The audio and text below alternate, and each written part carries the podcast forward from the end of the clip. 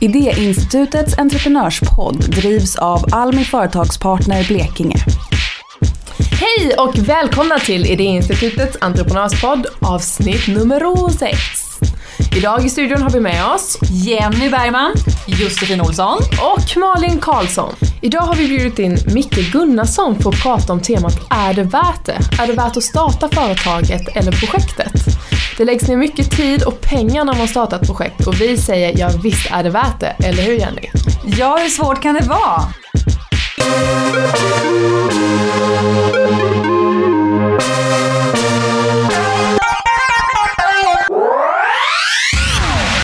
Ja, alltså jag har tänkt på det här, är det värt det? Och man lägger ner väldigt mycket tid och pengar om man till exempel ska starta ett nytt företag eller nytt projekt eller vad som helst.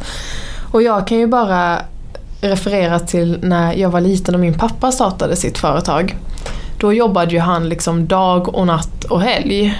Så han jobbade ju hela, hela, hela tiden och mamma jobbade också med honom hela tiden. Så, och när man var liten, eller när jag var liten, så fattade jag aldrig riktigt det där. Eh, varför de jobbade så himla mycket. Eh, men då hade de vägt upp någonstans att det kommer vara värt i framtiden att vi jobbar så här mycket nu. Och efter, jag var liten då och jag har sett det nu hur mycket de jobbade och det är först nu när jag har blivit vuxen som jag har förstått hur mycket de faktiskt egentligen jobbade. Men när du tittar tillbaka, tycker du att det var värt det? Just då när jag var liten så fattade jag egentligen inte hur eh, mina föräldrar kunde göra en sån prioritering. För att jag tyck, visst, jag var med och vi satt där och pratade medan de jobbade ibland och sådär men jag förstod ju aldrig riktigt för att andra barn de var på lekland och i simhall och gjorde sådana roliga saker med sina föräldrar och jag liksom satt och tittade på film medan mina föräldrar jobbade. Och, alltså, Det är det jag kommer ihåg från när jag var i den åldern, mellan 5 och 10 typ. Och då förstod jag inte riktigt den prioriteringen, men idag förstår jag den. Och jag har en större förståelse tror jag också för de som väljer att starta företag eller projekt idag, att det tar mycket tid och det är så, så hårt arbete bakom en framgång oftast. Och jag tror att när man har sett den under så många år så tror jag man förstår den eh, den dagen det verkligen exploderar och blir skitbra. Eh, men rätt att jag har sett då, jag kanske hade en lite negativ bild av hur hårt jobb det är. Så vill gärna jag också göra den resan. Och eh, ja, det, så det måste ju vara någonting som är väldigt roligt med det samtidigt. Som man vill utsätta sig för. Men vad är det som gör då, då att även fast du har sett det här, vad är det som gör att du ändå är nyfiken på att driva eget företag? Ja men alltså det är ju hela den här vägen liksom som man får uppleva. Man får uppleva så mycket saker och lära sig så mycket saker. Um, och jag tror att jag kommer gå in med en bild nu när jag har sett, alltså jag har ju redan sett en baksida av hur det är att alltså starta upp ett företag genom mina föräldrar. Um, så det, det har ju jag alltid kvar liksom, det, det går jag alltid och tänker på men jag ser ju också hur roligt de har. Och hur roligt, nu är det min pappa som jobbar med det och då ser jag ju hur roligt han har. Så det roliga vill man ju uppleva, man vill göra roligt med det man jobbar med. Jag har ju aldrig sett det från familjen. Så jag har ju bara sett de här, ja men de som har lyckats. Jag har ju aldrig hört de här historierna om människor som inte har lyckats och som det har gått väldigt dåligt för och som har gått i konkurs kanske och, och sådär. Så för mig handlar det mycket, är det värt det? Jag vet inte om det är värt det. Men jag tycker det är värt att testa. Testa Men jag står lite också där för att jag har aldrig heller sett något som har misslyckats och liksom gått i konkurs. Så det är ju en rädsla som jag har. Mm. Eh, Bara för det går bra för andra betyder ju inte det att det ska gå bra för mig. Eh, men eh, ja, ja, det är väl någon vinnarskalle i mig som ändå vill se om saker och ting funkar. Jag vet inte. Ja, och det är ju också skillnad tänker jag om du är själv, eller om man är själv. Så att man bara är ansvarig för sin egen lön. Mm. Då kan man ju om det går dåligt liksom, dra ner och ta ut lite mindre pengar. Men det är ju när man har börjat få anställda och så, och man oh shit, är ansvarig för att betala ut deras löner. Och då får man ju verkligen se till att det funkar. Alltså om jag startar eget företag någon gång i framtiden och anställer någon, alltså jag kommer vara så nervös. Det är så mycket ansvar, det är som att ha ett barn typ. Det är lön och liksom man ska komma till jobbet och liksom, ja herregud. Ja, jag ser fram emot den dagen. Ja men jag med, men det är ändå liksom så här lite rädsla, typ ansvar, herregud. Men jag tycker det är viktigt också just, när, just när vi pratar om det här om det går bra eller dåligt och att man har sett den resan. Jag också, kommer ju också från en familj där det är egen företag i, i familjen och sådär och det har varit min pappa som har drivit det eh, hela tiden, alltid gjort. Eh, det härliga som jag inspireras av honom när, alltså på hans resa, det är ju att han har gått från att både jobba som ensam, alltså enskild, till att ha liksom 20 anställda, till att ha ännu fler anställda, till att ha mindre anställda. Alltså han är verkligen så upp och ner, alltså längs med hur marknaden har varit. Och att det är helt okej. Okay. Att man någonstans, inte bara för att man kanske en gång har drivit ett företag med massa anställda i så behöver man inte göra det hela tiden. Utan ja, den hans bana då blev kanske att ja, han får välja lite andra inriktningar. Och det tycker jag också, alltså, det har inspirerat mig att ja, så länge det är värt det så behöver det inte alltid liksom, vara succé hela tiden. Men det jag tror man måste ha med sig om man ska starta ett projekt eller företag det är ju att det kostar mycket pengar och man kanske inte om man inte har, får igång marknaden tillräckligt fort så kanske man inte kan ta ut så mycket lön så man blir väldigt begränsad av vad man kan göra eller liksom vad man kan eh, ja, men göra på fritiden till exempel om man ska resa eller något sånt där. Mm. Man blir ju lite begränsad om man om man inte kan ta ut någon lön i början. Ja, samtidigt tycker jag när man har kommit igång som jag har gjort, då kan man ju ha en enorm frihet av det. Att man kan ta semester när man vill och man kan lägga upp sin vecka precis som man vill. Jag tycker jo, att det är helt värt det för mig just nu att ha ett eget bolag. I början var jag lite rädd för det här med skattegrejer och vad kommer hända hos Skatteverket? Kommer jag få några straffavgifter och sådär? Mm. Men nu känner jag mig bara jätteglad att jag skickade in de där papperna och att det är klart. Mm. Och absolut, och, och, bara det här att man varje dag känns som att man faktiskt på något vis jobbar med en hobby. Jag vet inte, det, det är liksom det är helt fantastiskt att bara ha den känslan och, och då känns det också så helt klart värt det. Ja, det där med hobby. Alltså man, kan hitta, man kan ju hoppa på projekt som folk frågar en om. Så, men kan du inte göra det här? Så bara, jo men det kan jag. Kan du göra det här också? Ja men det kan vi göra.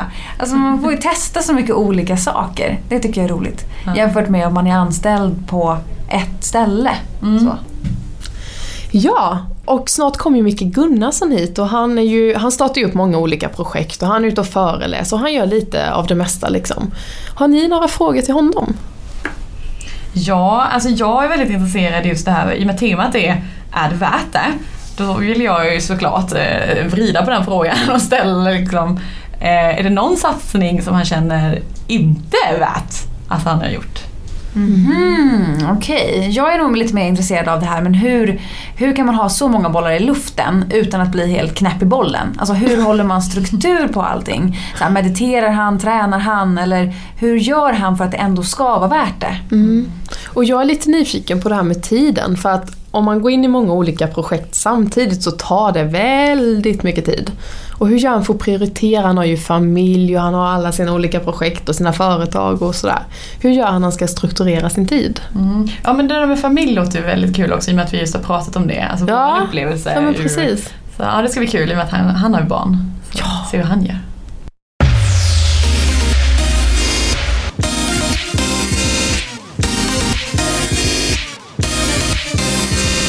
Föreläser över hela Sverige, håller workshops, modererar och projektleder.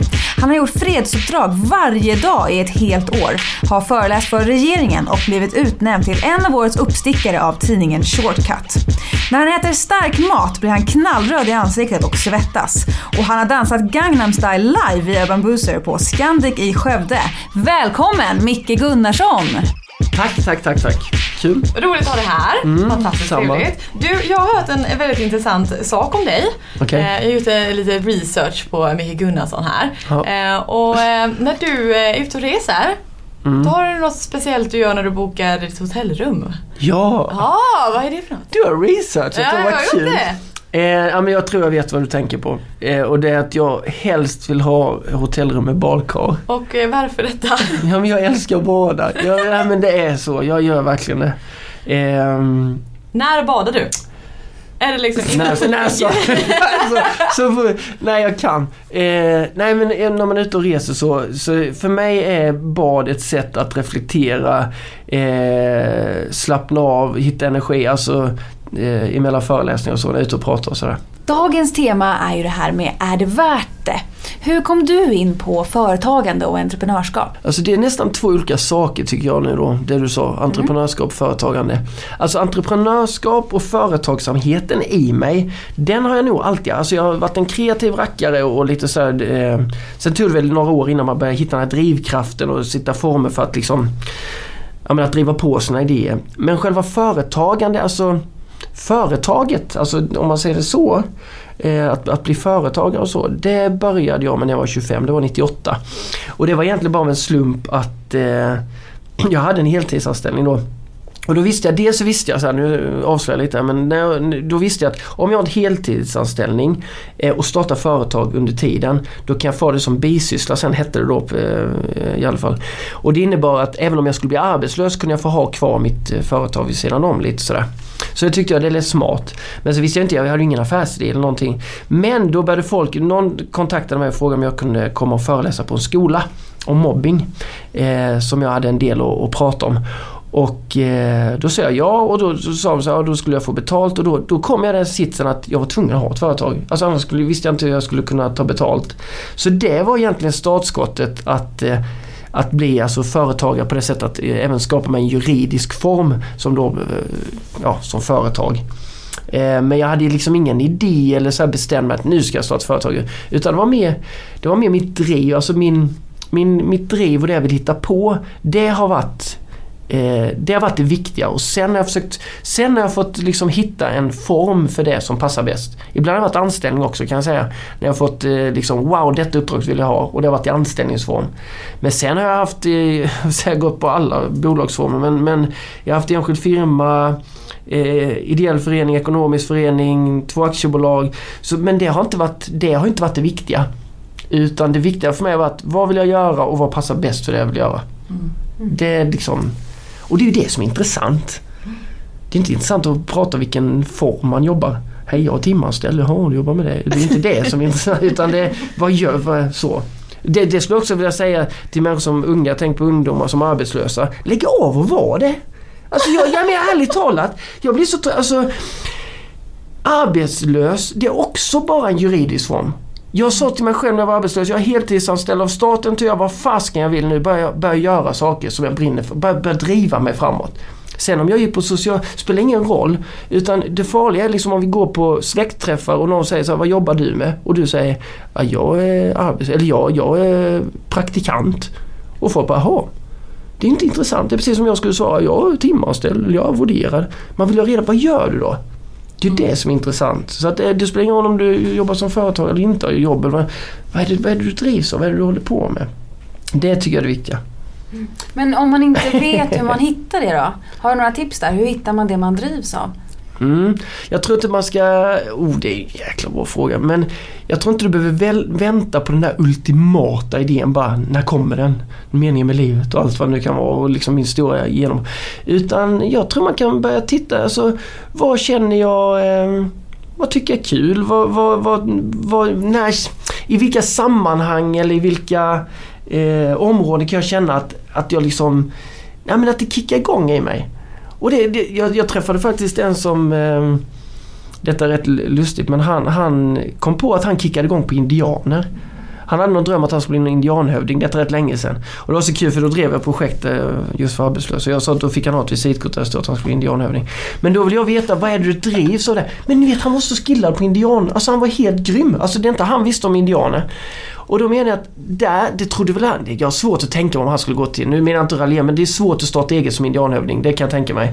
Men om han började odla, när han började odla det här indianintresset, det slutade med att han började hålla studiecirklar, hålla mm. igång indian. Det fanns ju människor som var intresserade av indiankultur. Och mer och mer och till slut började det komma in. Så jag, jag tror inte han gick över till att helt leva på det. Men det blev en del i hans företagande. Som han kunde starta upp kring sin indiankunskap. Liksom, mm. Så jag tror inte, det behöver inte vara den ultimata idén utan ibland, vad tycker jag är intressant då? Och sen börja titta där. Och jag, det, ibland så det var någon som sa till mig, ja, om jag vill bli fotbollsproffs då? Ja, det är inte så många som blir det, det vet vi. Eh, och man vet nog ganska snart om jag har en förutsättning. Börjar närmare 30 och liksom fortfarande inte eh, få till det. Då, då, men lägg inte ner tanken utan det finns ju andra saker runt fotboll du kan jobba med. Mm. Du kan starta en blogg, du kanske ska se upp coola fotbollsklubbar, vad fasiken vet jag. Men Så det är kanske inte den ultimata idén alltid. Eh, för jag tror ibland det kan begränsa oss. Utan bara för det, vad, vad, vad tycker jag är kul? Vad är spännande då? Och sen inget är för evigt. Inget är för evigt heller. Man behöver inte bestämma sig på livstid. Mm. Jag har ingen aning vad jag ska nästa år. Nej, jag vet inte. Men jag tänker så här att eh, de som tänker stort kanske känner sig lite begränsade i tanken på hur, hur man ska kunna ta steget och hur man ska kunna gå vidare och sådär. Och För att man kanske ska starta upp en egen verksamhet så krävs det väl mer eller mindre ett bra självförtroende och en bra självkänsla. Mm. Tycker du att det är, liksom, det är skolans del eller är det samhällets ansvar att vi liksom ska våga ta det där steget? Hmm. Alltså jag tänker i Mm. skolan så utbildar man ju sig, utbildar man sig till en typ Ja. samhällsentreprenör eller vad jag ska säga. Ja, jag har nog lite det. Jag, jag tycker tyvärr, måste jag nu säga, så tycker jag fortfarande att vi, vi skolas in i en anställningsbar. Vi ska bli arbetstagare. Att det, det är fortfarande det vi pratar om mycket. Det är mycket mer fokus på att, att man ska skaffa sig ett jobb än att starta företag. Och där tror jag vi måste bli mycket, mycket bättre. Och det behöver, vi börja med långt ner i åldrarna. Att, att eh, våga odla entreprenörskapet i oss. Nu, jag menar skolan har ju i och för sig, man jobbar mer med entreprenöriellt lärande och så här som man säger. Men jag tror, där har vi mycket mer vi kan göra. Eh, och återigen, det handlar inte om att, och det primära kanske inte är att lära människor man startar företag. För när vi väl, det kan jag säga själv, jag har aldrig gått någon sån här utbildning man startar företag. Det är ungefär som när jag träffade er innan den här podden. Ni har lärt er själva hur det funkar. Och jag tror när drivet väl kommer då, då, då börjar vi ta reda på grejerna. Men att, att hjälpa människor, unga människor att få testa på det där. Att ta idéer till verklighet. Sen om det är företag eller om det är att göra miljön bättre på skolgården, det spelar ingen roll. Men att vara med i den processen. Mm. Och det, att förverkliga saker, att ta små idéer till verklighet, det skulle jag vilja säga också är ett fantastiskt bra verktyg för att eh, stimulera, alltså för att, att stärka sin, sitt självförtroende och självkänsla. Faktiskt. Det är ett fantastiskt verktyg för det. Mm. Eh, jag vet inte om det var svar på din fråga, men jag tycker jo vi kan bli bättre Jo, på det. absolut. Eh, Men i företagandet då, när du jobbar Mm. med dina företag. Hur vet du att det är värt det eller att det inte är värt det? Det märker jag väldigt tydligt när jag vaknar på morgonen. Att jag säga. Om det känns som att eh, yes, tack så mycket för en ny dag och eh, att det känns att eh, ingen behöver dra mig upp ur sängen. Utan jag går jättegärna själv upp på scen för jag har så mycket spännande. Jag sa det bara senast i morse nu när jag körde min, eh, min yngste grabb till skolan. Vi pratade om allt spännande vi har att uppleva idag. Jag sa jag ska träffa några nu och spela in. Jag har aldrig gjort det här förr. Jag har aldrig varit i den här studion och imorgon ska jag gå på blind date med, med människor jag aldrig har träffat. Spännande. Och just det, det driv, då kan jag känna att det är värt det. Eh, Så det är en del, att jag får jobba med saker och det, man är ju så privilegierad på ett sätt men att jag har bestämt mig för att jobba med saker som jag verkligen gillar. Då känner jag att det är värt det. S- eh, eh, och sen också Ja, där kan man diskutera om det, om det... Men det finns en viss del med friheten i mitt egna företagande som jag också värderar väldigt högt. Eh, friheten i tid och friheten att kunna bestämma till viss del eh, ja, över mina egna val och beslut. Eh, så för mig just nu, just nu är det absolut värt det.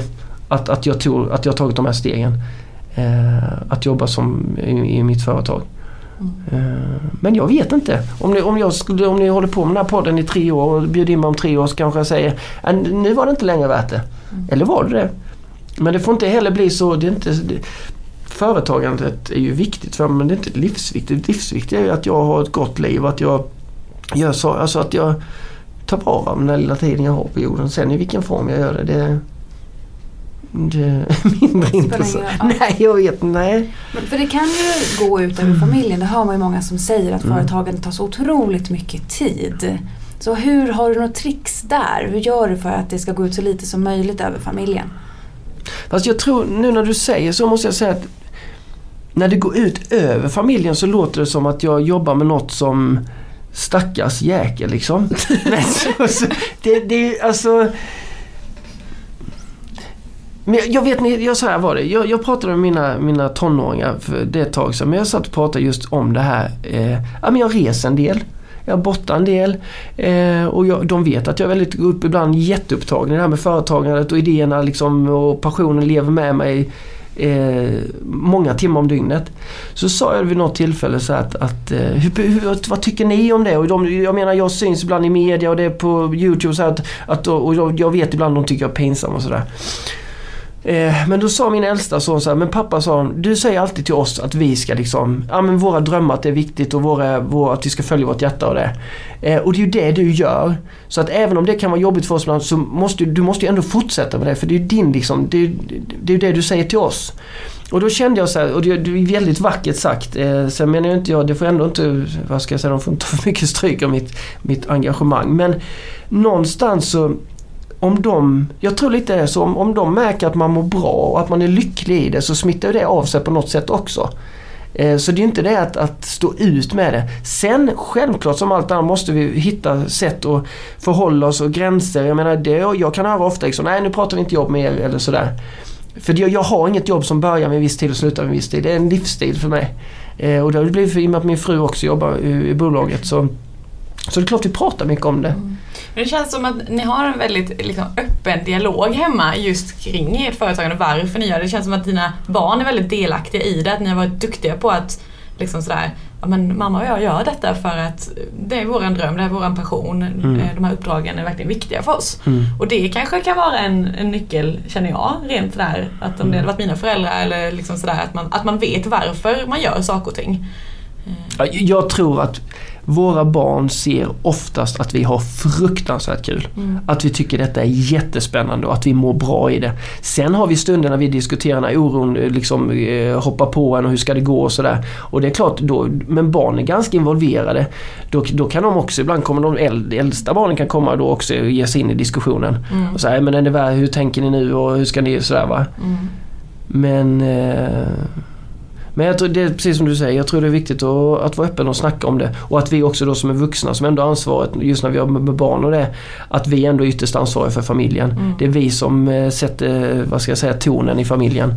Och börjar det göra för ont och börjar det göra för då, då tror jag man måste fundera. Mm företagandet och vissa ibland kanske tycker att det ligger prestige i det men för fasiken, var rädda om er och var rädda om familjen för det, det är det ni... Jag lovar den dagen när man ligger där och ska dra sitt sista andetag så är det inte företaget man tänker på. Nej. Så att eh, mm, det, det, är viktigt att ha med sig det. Mm. Eh, mm. Jag, ty jag, tycker det är så himla intressant det här eh, temat just att är det värt det? Mm. Och eh, jag har en liten fråga till dig. Mm. Eh, och det handlar lite om det är någon satsning som du har gjort, alltså något slags projekt eller sådär som du känner att nu i slutändan, alltså det där var ju inte värt det. Eh. Mm. Usch, jag får göra besviken. Nej, jag tänker inte så. Nej. Jag, jag, kan inte säga att jag har någon, nej hur kunde jag eller nej. Nej. Alltså jag, jag, jag har väl gjort mer, bättre projekt och mindre bättre. Men jag, jag är lite av den filosofin att jag, jag kan inte ångra något jag har gjort. Eh, jag kan inte det för att jag vet i min filosofi är det så här, om jag skulle kunna gå tillbaka och ändra på en enda sekund i mitt liv så hade inte jag träffat er idag. Mm. Och det vill jag göra. Så att jag tror att allting på något sätt, det är lite filosofiskt, men jag tror att allting har sin gång på något sätt. Sen är det klart att jag kan titta tillbaka och bli smartare och lära mig. Ja ah, men det där gjorde jag så, men då skulle jag kunna tweaka den denna gången. Men att gå runt och vara bitter eller ångra sig eller hur kunde jag? Det, det, det, så funkar inte jag. Eller jag, jag vill inte det. Eh, nej, nej. Och jag, jag har haft, jag måste säga en av mina, en stor läromästare i det på ett sätt. På ett sätt så är det min kära mamma faktiskt. Mm. Som också på senare dag som vi har haft de diskussionerna. Och det är ingen mening, nej. Ångra, nej vi lever här och nu. Det, det mm. Så jag, vill inte, jag kan inte ge något sånt exempel. Haha. Om du inte vill jag ska tvinga ut något men, men, men visst har jag gett på mig ibland, ibland har jag gett mig in i uppdrag som har krävts mer träning att ta hand om min oro, rädslor och ångest över hur fan tackar Oj förlåt nu svor jag. Men hur, hur, hur tackade jag till det? Hur gav jag mig in på detta liksom? Finns det något sånt exempel som du skulle vilja ta upp? Ja men Ja men det är ett, ett projekt när jag, när jag sa det, jag vet inte om det är fyra, fem, fem år sedan. När jag sa att jag skulle, fredsuppdraget hette det. Jag sa till mig själv att varje dag under ett helt år ska jag göra goda gärningar och lägga ut på nätet. Varje dag så ska jag göra någonting. Och det är klart att det lät lätt. Men då efter 4-5 veckor in på det året så kände jag bara oj, det är 320 dagar kvar liksom. Då kunde jag känna wow, härligt uppförsbacke. Men jag gjorde det varenda dag och det, det, det är också så här, jag är tacksam för det. Det gav mig massor av ringar på vattnet. Eh, jag tränade mig i uthållighet och jag Nej, så att eh, jag ångrar inte det. Kan inte du berätta vad det var för typ av uppdrag för de som inte vet okay. vad fredsuppdraget ja, var? Ja, det är inte så lätt. Eh, nej, jag tänkte bara så här att jag skulle träna mig själv i det var nästan personlig utveckling på något sätt, men, men, att försöka göra små goda gärningar varje dag. Det kunde vara eh, ge en present till någon du inte känner. Eh, det kunde vara eh, ja, något var så här, lägg en enkrona i en tuggummiautomat och vrid till hälften och gå därifrån. Så, så kommer någon unge där och blir jätteglad. Eh, det var massa olika sådana små, små goda gärningar som kunde göra, som kunde göra skillnad. Eh, och det spred, det blev ju också, jag hade ingen aning, det var mest en träning för mig själv men efter jag lagt ut det, spred sig och det blev så här helsida i DN och P3 gjorde något program om den hemliga kärleksgrillan som växte fram och så helt, helt galet. Jag fick åka runt på eh, för förs eller eh, barn upp till tredjeklassare och göra så här fredsuppdrag live med dem i skolan. Så det var helt sjukt, jättekul. Men det hade jag ingen aning om. Då, alltså det mesta jag gör har jag liksom ingen aning eller strategi utan jag känner bara åh detta måste jag göra liksom. Och sen sätter jag igång. Och sen får man se, vissa håller ut lite längre, vissa dör efter ett tag men åh, roliga grejer liksom. Men många är ju väldigt rädda för att starta någonting för att misslyckas. Känner du aldrig den rädslan att shit ska jag verkligen göra det här? Det här nu kommer jag få dåligt rykte när jag gör det här. Jag, jag kan vara rädd för att eh, inte leverera och att jag inte ska klara det. Jag är aldrig rädd för dåligt rykte. Det är ju att du sa båda två. Nej, det vet jag. Alltså jag kan... Jag, jag tar ansvar. Jag brukar säga så när jag är föreläser att jag tar ansvar för vad jag säger så får ni ta ansvar för vad ni hör. Alltså... Nej men grejen är så länge jag vet att jag till 100% är vad ska jag säga, ärlig mot mig själv och mitt hjärta i det jag gör. Sen får nog folk tycka lite vad de vill. Människor tycker alltid olika. Det är så. Vissa säger säkert efter en föreläsning jag har hållit, usch vad den var tråkig. Vissa säger att den var jättebra. Jag kan inte... Ska jag behaga alla då blir det ingenting av mig kvar. Liksom. Jag, nej. Eh, men sen kan jag vara skiträdd. Alltså jag är nästan orolig. Jag har nästan ångest inför varenda uppdrag. Alltså det kan jag väl säga. Jag tycker det är jättejobbigt inför varenda uppdrag för att jag, man vill så mycket. Man vill att det ska bli bra på något sätt. Mm. Och det är något man får träna med. Det är något man får träna och... Eh, men jag, jag, jag kan väl säga så. I, jag lyssnar inte riktigt lika mycket på när rädslorna slår till idag. Eh, jag tar dem inte riktigt, jag tror inte på dem längre. Utan jag hittar sätt att gå igenom dem, liksom eh, finta bort dem. Men, men självklart är jag, när, alltså jag är nervös, skitnervös inför varenda föreläsning. Jag gör kanske över hundra per år och ändå är jag jättenervös inför varje. Mm. Men det kan ju också vara ett sätt att man, eh, just den här e- energin då som uppstår eller eh, energin i rädslan. Mm. Eh, alltså under tiden, de här åren som du har jobbat med det här så har du säkert lärt dig också att omvandla den, alltså till att använda den istället. Ja, att nyttja mm. den till att göra det här så bra som möjligt. Mm. Istället för att bara lägga den som negativ energi. Ja. Jag tror det jag tror det är en del av min förberedelse i energi när man går upp på scen att den, den nerven behövs. Mm. Hade jag inte känt någonting eller bara gå upp och bränna av då hade det inte, då kanske det inte hade blivit så bra. Jag vet inte. Nej. Ja, det är intressant. Du, jag, jag, tänker en annan sak, eh, när vi är ute eh, mycket i det institutet bland annat och träffar personer som har intresse för att starta företag. Många av dem kan ju vara att de, de är anställda och de har sin trygga tillvaro och de vet att de har sin månadsinkomst varje, varje månad och ja, men hela den här biten. Mm. Men ändå så är det så många som vi träffat procentuellt som ändå kan tänka sig att starta företag. Har du några tips och råd hur, liksom, hur, hur de kommer till insikt att ja, men är det här värt för mig? Eller liksom... Mm. Jag, jag tror lite där på, och det kanske låter fegt, men att ta det lite fasa ur sig på något sätt. Att det behöver inte vara det här drastiska liksom, ah, nu säger jag upp mig på fredag och så börjar jag företag på måndag. Det kanske är så för vissa men jag tror att, eh, och det beror på lite också vilket läge man är. Jag tycker också man måste se det som en helhet. Det är kanske lättare när du är ung, eh, du bor kanske själv, du har inte familj, eh, du kan äta liksom friterat ris tre veckor. Alltså det är inga problem. Då kan du, ju, då kan du också chansa och gamla mer. Och då tror jag, jag tycker nog den tiden, då, då ska man nog, det är en perfekt tid att testa. Mm. Men sen det är klart att har du då familj och det, det, det är mer ansvar kring dig. Då tror jag det kan vara dumt att bara kasta sig ut. För smällen kan, även om det går bra, kan det ändå bli ett rätt eh, Det, på, det är inte bara dig, återigen har du en familj så påverkar många runt omkring dig. Så att jag tror mycket det här utfasning. Att kanske börja, börja bara kanske på fritiden att engagera dig mer i den idé du har eller i det, den intresse du har. Sen kanske man kan få fråga sin arbetsgivare, ja, har jag möjlighet att gå ner till 80% eller sådär. Eh, och, gör, och kanske minska, fasa ut och till slut kanske man hoppar helt. Mm. Eh, så att jag, jag menar jag rekommenderar många företag att, att ska, du, ska du ändå inte ha du kanske ska titta på ett, ett deltidsjobb eller något. Mm. För att just nu kanske inte det bär riktigt. För, jag menar ekonomi är ju ändå en del i det. Det måste funka det med. Mm.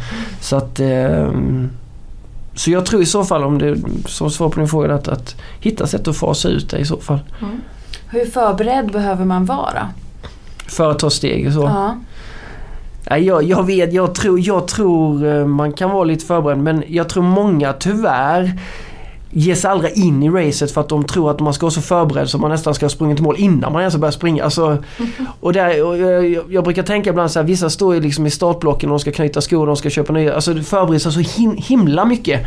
Så att de kommer aldrig iväg. Det blir, det blir, för många blir det för omöjligt. Man har så mycket tankar om det här så, så jag brukar tänka, då spring med en sko.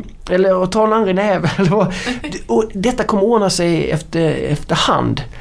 Eh, det finns ju de som ska fila på sin idé och sin affärsplan och det ska vara så men de kommer aldrig, och det är ofta är det inte det de brinner för. Det är få människor jag känner som brinner för liksom att det är det som är företagsidén. Att sitta och förbereda och skriva saker. Utan de vill komma igång och göra sin grej. Så gör din grej. Det är det. Sen kan du fixa det efterhand. Eh, det här med förberedelse. Och det, det blir ju aldrig... Det blir ju sällan som man har tänkt sig ändå. Alltså man har en idé, sen, sen tar det ett år, sen börjar den formas, sen kommer man in på något annat. Jag menar, jag har ju inte haft någon affär. Jag tänker liksom för mig har det varit en resa. Man gör olika saker, man får nya förfrågningar, man kommer i nya sammanhang. Så att det, det är svårt att förbereda sig helt på, för det är ju livet man ska, livet pågår ju liksom. Eh, sen tror jag det är smart att visst ha en viss förberedelse. Vad är det jag ger mig in på? Vad funkar? Hur funkar systemet? Hur funkar det med om jag startar företag? Vad händer med min a-kassa? Alltså massa sådana här rent praktiska mm. grejer. Det är ju klart att kolla, kolla upp. Men eh, just kunskapsmässigt så har jag varit superförberedd. Nah. Sen är det, och sen vill jag vara ödmjuk, för det är lätt för mig att säga. För det, jag menar det låter som att starta frihetsuppdrag och skriva, just nu håller jag på att rita lite figurer och så här. Självklart finns det också så att det finns en ekonom. Det är viktigt att bara med också för att jag menar idag så blir jag tillräckligt anlitad för vissa saker för att ha också en, en viss grundstomme ekonomiskt. Som gör att jag kan latcha lättare kanske och ge mig in i andra projekt. Det är viktigt att ha med det också. Ehm, men samtidigt så Jag vet jag fick någon fråga innan om det var om, jag liksom på, om, man är, om det finns perioder när man är extra orolig och sådär. Och det finns det. För, för mig som är företagare, mm, i och med att jag jobbar som jag gör med föreläsningar och så. Så är jag jättespukt i juni. Då är jag rätt eh, orolig. Och i december. Och det är just att jag har ingen aning om, då är det ett nytt år, jag har ingen aning, jag kan bara se att jag har några ströbo eller liksom sådär, jag är inte tillräckligt bokad, jag har ingen aning, kommer det att funka? Och den, den, det ställer vi alltid oss den frågan nästan, oh, kommer vi få in jobb och sådär? Eh, för det vet man inte. Men så får man, det är också att träna sig på att man har tilliten att ja men har det funkat i fem år så ja men någonting är det vi, så funkar det nog nu med. Mm.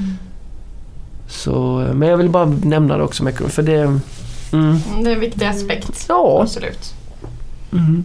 Det här med vanor Micke, det är många som pratar om det, att man ska skapa vanor som entreprenör. Det är många som tränar för att orka med eller så mediterar på morgonen och sådär. Eller dricker citronvatten. Har du några sådana här vanor du har för dig för att klara livet bättre? Mm. Mer än att bada. Mer, jag säger precis bad. Hörde du vad jag sa? Bada. Eh, vanor. Eh, en vana, just mitt företag, så en vana, jag skriver mycket listor. Jag är en listmänniska. Alltså att göra så. Så listor gör jag mycket då. Om man säger, som handlar just om företagandet. Eh, ja men en vana jag har. Eh, jag försöker, alltså det är också lite lätt filosof. Men i och med att det handlar mycket för mig.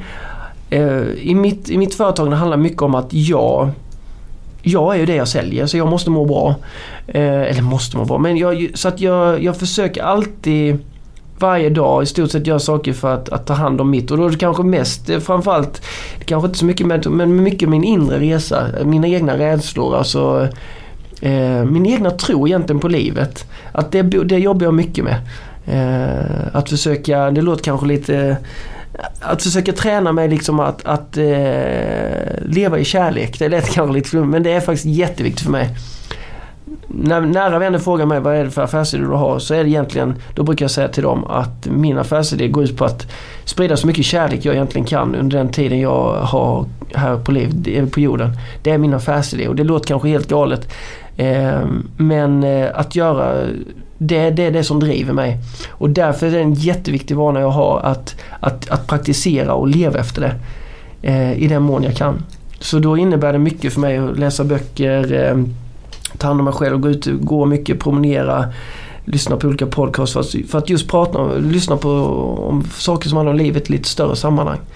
Att det handlar om ett helt liv och det, det, det är en viktig grej och sånt jobbar jag Innehöll på mycket med yoga, nu har jag varit lite mindre med det men Eh, ja, men att få kontakt med mig själv. Det tränar jag mig på. Jag tycker det låter helt fantastiskt. Mer kärlek. eh, Malin, det är dags för eh, dina favoriter. Fem ja. snabba. Ja. Och för, med mig. Try it. Yes. Ja, vad är det som ger motivation till företagande? Är det pengar eller lärande? Måste jag välja mellan dem så är lärande. Mm. Mm. Solsemester eller en resa till Alperna? Solsemester. Kör du eller åker du helst bil? Eh, kör. Mm. Eh, armbandsur eller mobilens klocka? Ah, armbandsur. Åh, oh, det var tre. Nej, det, varför? Ja, men jag, har inte, jag tittar ju sällan. Jag gillar att ha klocka men jag tittar ju sällan på den. men jag gillar... Den är snygg. Ja, men jag har Batman. Det är också så här, alltså, med, med så här kraft... Uh, ja.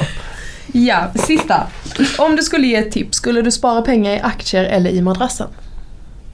Ja oh, men shit. Och jag är så dålig på sånt pengar. Jag vet inte. Måste jag säga? Jag vet ja. inte. Eh... Ja men då kanske det ska vara aktier då. Alltså jag är så ointresserad av pengar. Alltså jag, det är så långt ifrån mig så... Men okej okay, då, det är väl aktier och låter häftigt. Vi satsar det... på kärlek istället. Ja, jag vill hellre investera i mina nya projekt då, men skitsamma. Men det kanske man gör genom aktier då. Ja. Får jag, får, får jag ge ett tips också? Jag bara kom på en grej som jag vill bara säga också. När det gäller eh, företagande och så, när man, om man ska starta upp. Det är att tänk för guds skull digitalt. Jag bara vill säga det också.